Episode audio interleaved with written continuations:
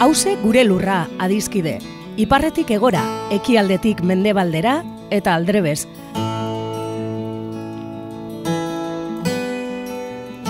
Lurra bakarra dugu edo gaituen lur bakarra da hause.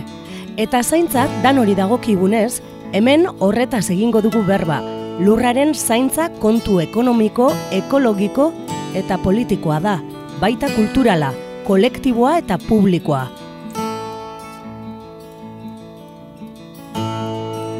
Ekopol taldeko Iñaki Bartenak eta Josu Larrinagak hause gure lurraren zaintzak dituen ataka eta kontu importantei buruz hitz egingo digute. Lurrosoaren erasoak ezin garaitu zezakeen hiri bat ikusi nuen ametxetan.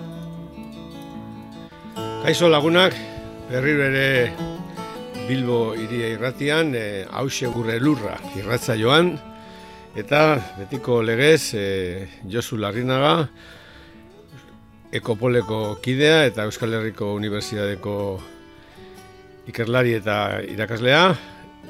Zer modu Josu, zer, zer, e, zer da gaurko irratza joan kontatuko diguzuna?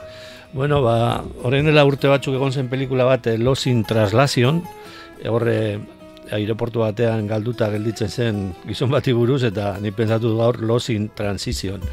Transizioan galduak, e, bueno, orain dela gutxi prentsan irakurritako historia bat e, mega iriei buruz eta mega iriak eta aldaketa klimatikoa eta klima larrialdia, ez da?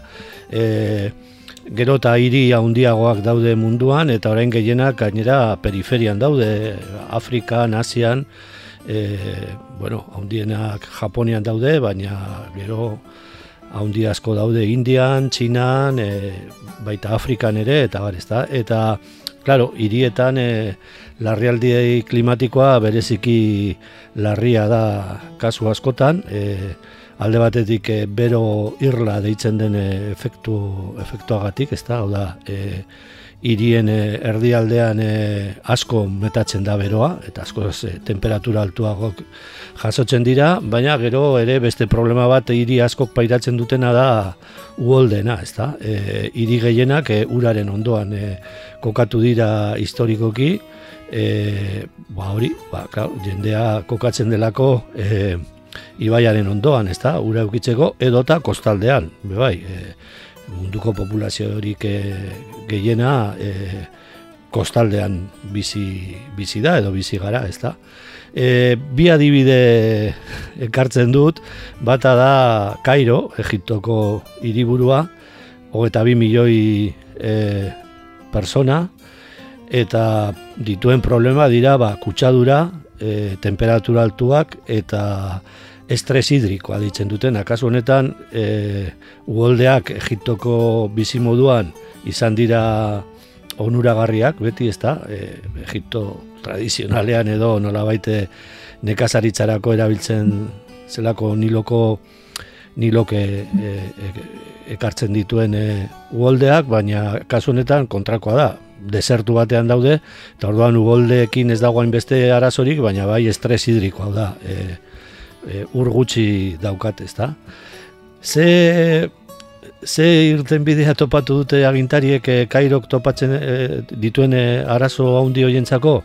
Ba, Egiptoko hiriburua denez, behintzat hiriburua, hiriburu administratiboa, urrain dela urte asko Brasilen bezala, erabaki dute e, mugitzea, ezta? Apurtzoak Kairotik ekialdera dagoen e, lur zail batzuetara e, joango dira, baina horra dituek esaten dute nolabait e, e, irietan e, e, sortzen diren problema horiek arrazoi batzuengatik gertatzen dira eta nolabait arrazoi horiek edo prozedura horiek errepikatzen ari direla hiri berrian, ezta? Ez egiten ari dira, ba dana porlana, dana hormigoia eta pues kristalesko dorreak eta lako gauzak ere egitzen ari dira basamortuan eta orduan ba, bueno, esaten dute adituek horrek ekarriko ditu sekulako behar e, beharrak e, energian e, bai e, berotzeko momentu batzuetan eta bai e, osteko beste, beste momentu batzuetan nola bait egiten ari dira hiri berri bat, baina hiri hori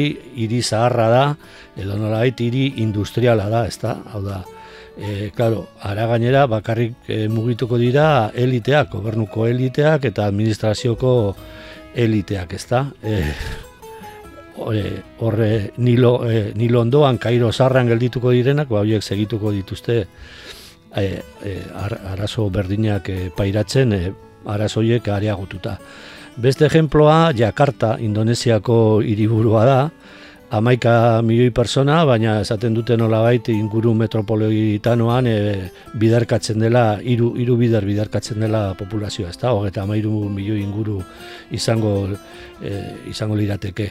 E, Jakarta ondoratzen ari da, urtero amar zentimetro ondoratzen da, e, apenas ez daukate e, edateko urik, asko, asko ateatzen dute edateko ura e, justo lurraspian, baina oso superficialak diren e, akuiferotatik, eta orduan e, ba, oiek ere galduko dira, in zuzen ere, e, e, ondoratze horrengatik, ezta? E, eta, klaro, ugoldeak e, ugari dira, aldi, aldi berean. Zer erabaki dute kaso horretan hiriburuare mugituko dute beste irla batetara, Borneora. E, esaten du gobernuak e, hiriburu berri hori izango dela ekonomia ekologikoaren eredua ta ta ta, baina e, nola baite aktivistek eta e, zera salatzen dutena da sekulako deforestazioa eragingo dutela, bertako populazioaren e, espulsioa gertatuko dela, e, oroar adituek esaten dute hobe dela hiriak dauden moduan berregokitzea e, berriak e, e, eraikitzen hasi baino, ezta? Arazoa fondoan e, pentsatzen du nik, ba nolabait acelerazio handiaren e, garaiko mentalidadea erabiltzen ari direla, nolabait e, transizio ekologikoa beharko lukeen momentu baterako, ezta?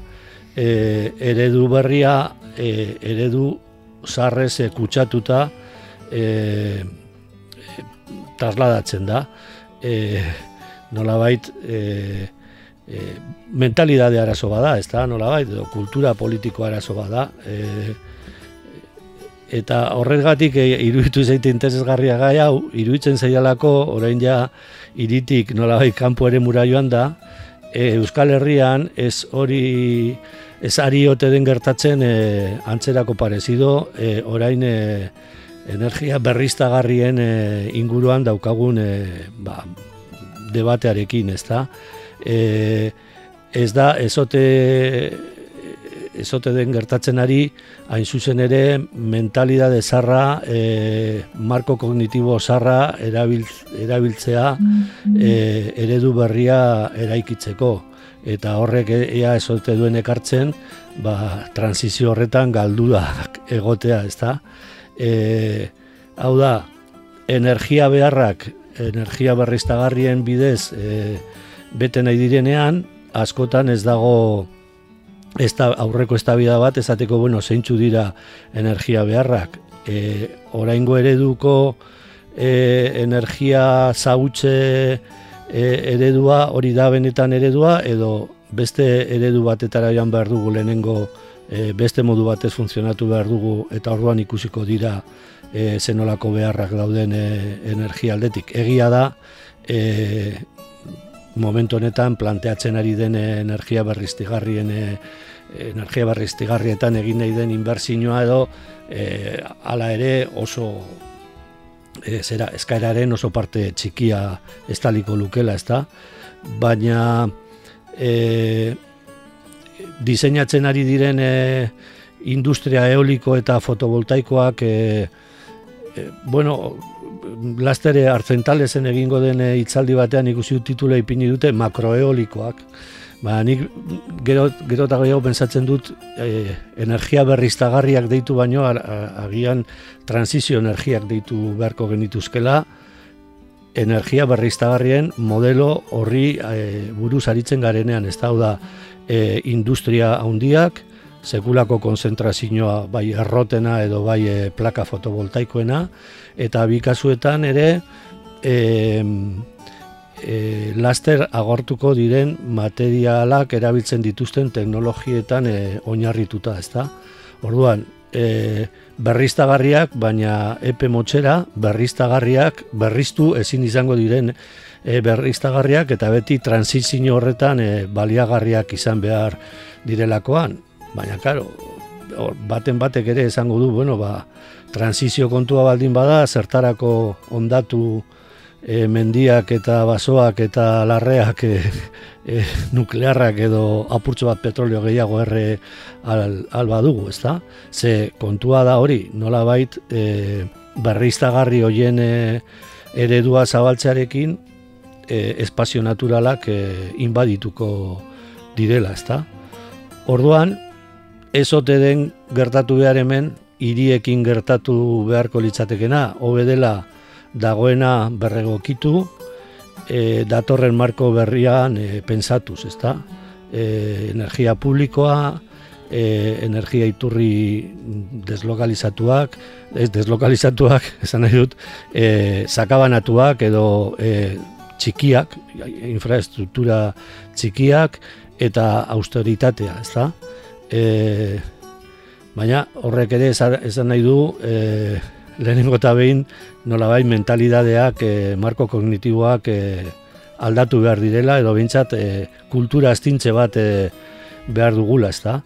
E, baina nolabait hori, hori pensatzen. E, basoak e, e, iria bilakatu baino, hobedela iriak e, basoa bilakatu, ez da? Esaten dute ere adituek e, bero efektu irla, bero irla efektu horren e, hori gertatzen dela ere hirien erdikaldean eta apenas ez dagoelako urkorronterik, ez dagoelako zuaitzik eta bar eta bar.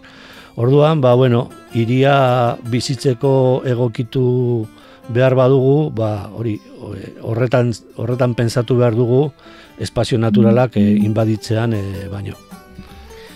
Ederto Josu, ba oso gai potoloa eta eta erraldu jai jarri duzu mai gainean nik pare bat e, iradokizun komentatu nahi nizkizuke.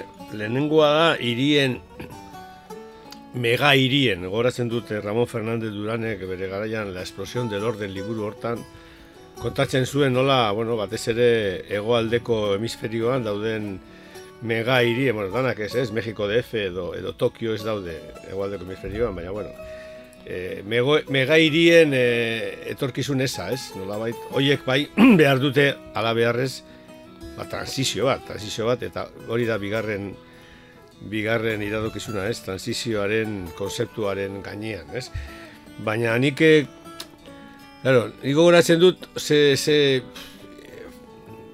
ez dakit, bai Mexiko DF-en pare bat aldiz egon naizela unibertsitateko kontuekin. Eta baita ere, batez ere, e, Johannesburgo, egon nintzen 2000 eta, eta bigarren urtean, hor, e, gailur, ingurumen gailurra han, egin zala, eta desastre izugarri handi bat izan zen.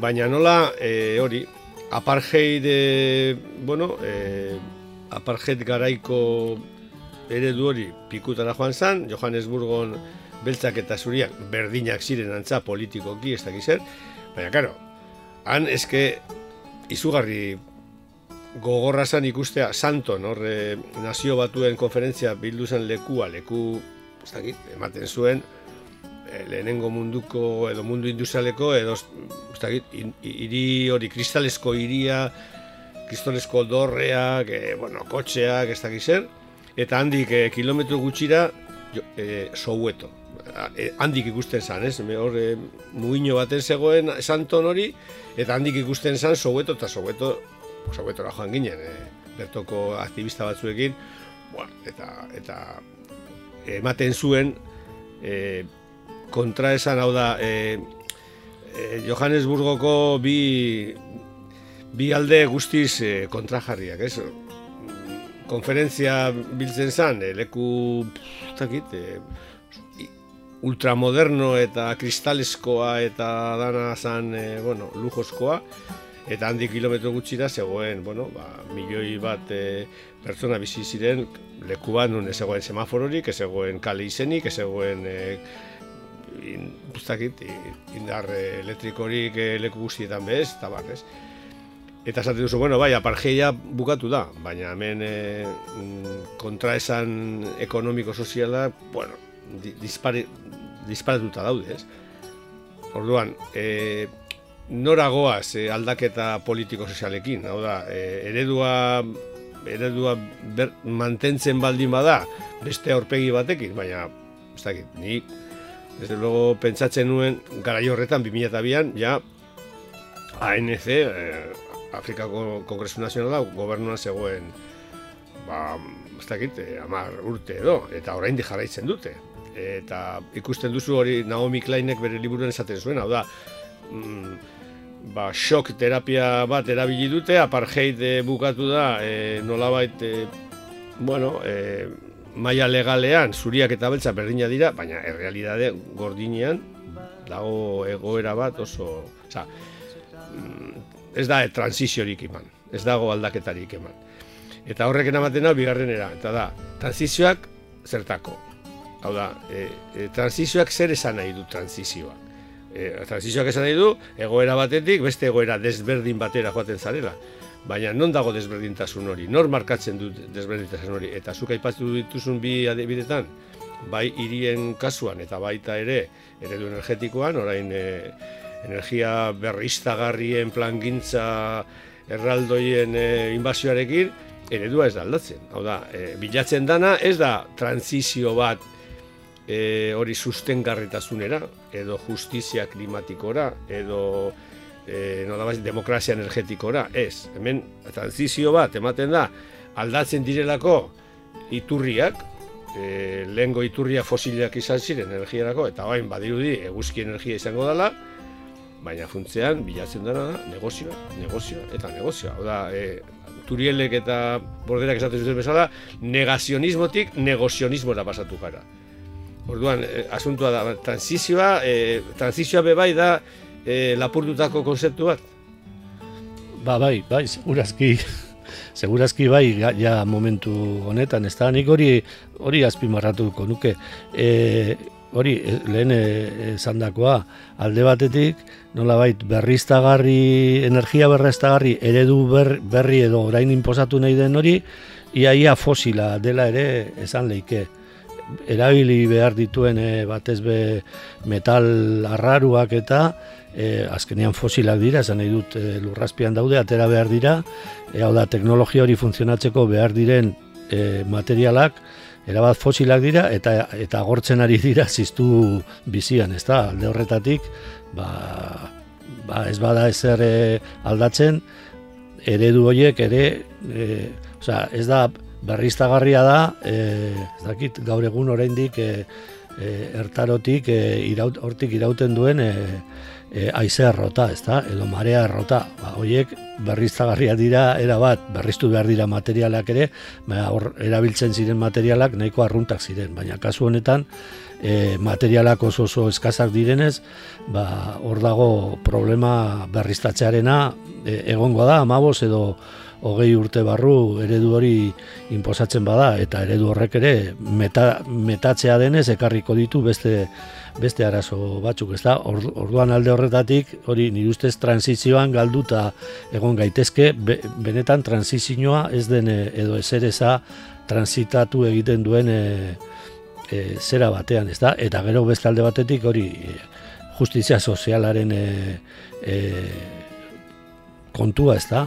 E, berriz ere nolabait egiten bada, bueno, ba, behar, aberatzen beharrak azebetetzeko e, transizio bat egin dezagun, ba, ikusten dugu orduan gertatzen dela hori, ba, jakartan edo kairon gertatzen ari dela. Ez da, eliteak e, mugitu egiten dute euren e, kokalekua, ba, eta gusten dituzte atzean e, beste guztiak, eta bueno, eurek segurazki planteatuko dute kokaleku hori e, ere urrengoko kaleku berri horiek ba provisionalak direla martera joan baino lehen e, Riesmanek esaten duen moduan, ezta? Martera joan nahi duen eh, jende hori dira ez benetan e, lurra planetan geldituko geldituko garenok. E, kuriosa da mega hiri hoietan segurazki e, espazio horiek e, txabolak edo fabelak edo e, slum edo alako izenekin e, izendatzen diren espazio desestrukturatu horiek, segurazki erresilenteagoak izango dira e, kristal eta hormigoizko beste espazio horiek e, baino, ezta?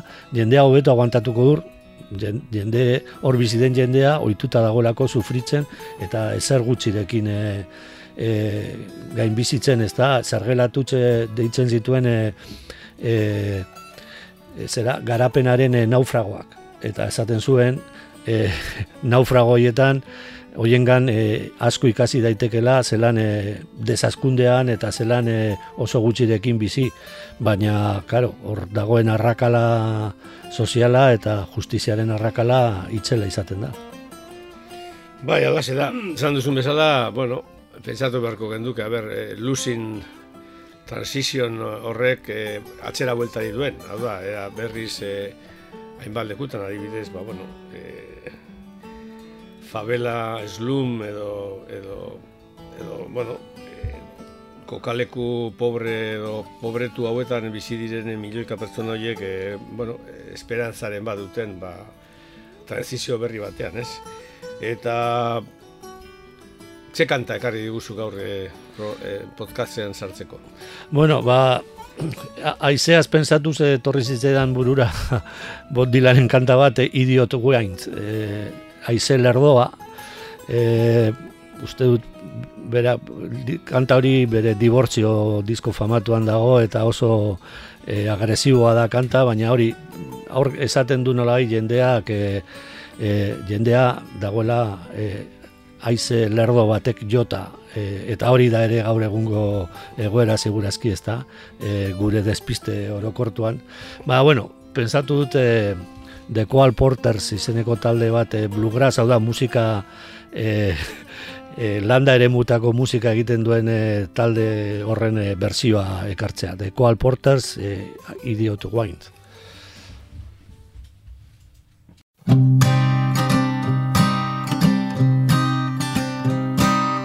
Somebody's got it in for me They're planting stories in the press Whoever it is, I wish I'd cut it out quick, but when they will, I can only guess. Say I shot a man named Gray, took his wife to Italy. She inherited a million bucks. When she died, it came to me. I can't help it if I'm lucky.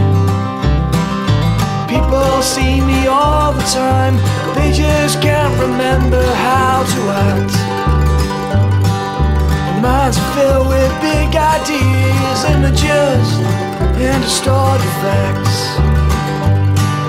Well, even you, yesterday, you had to ask me where it was at. I couldn't believe after all these years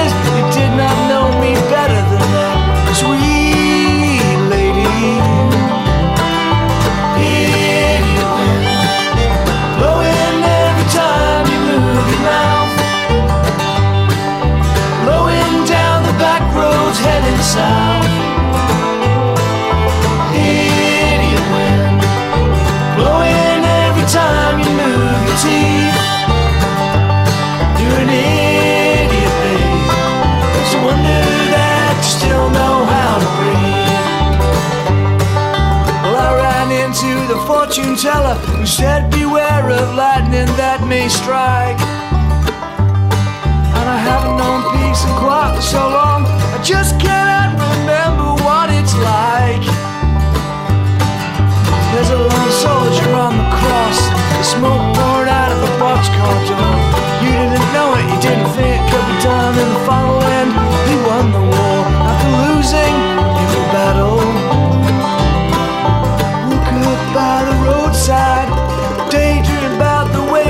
sometimes are.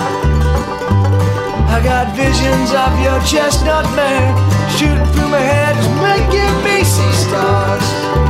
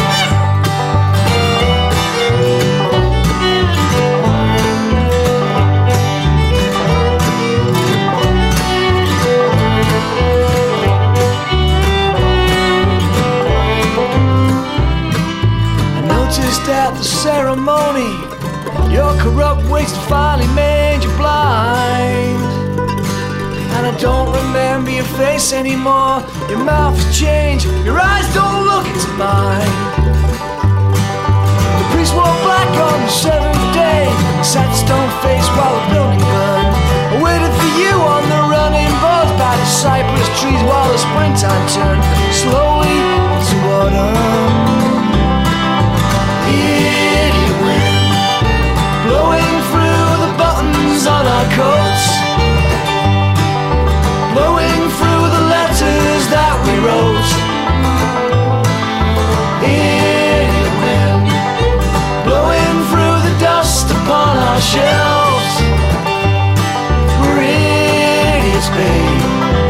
wonder we can even feed ourselves.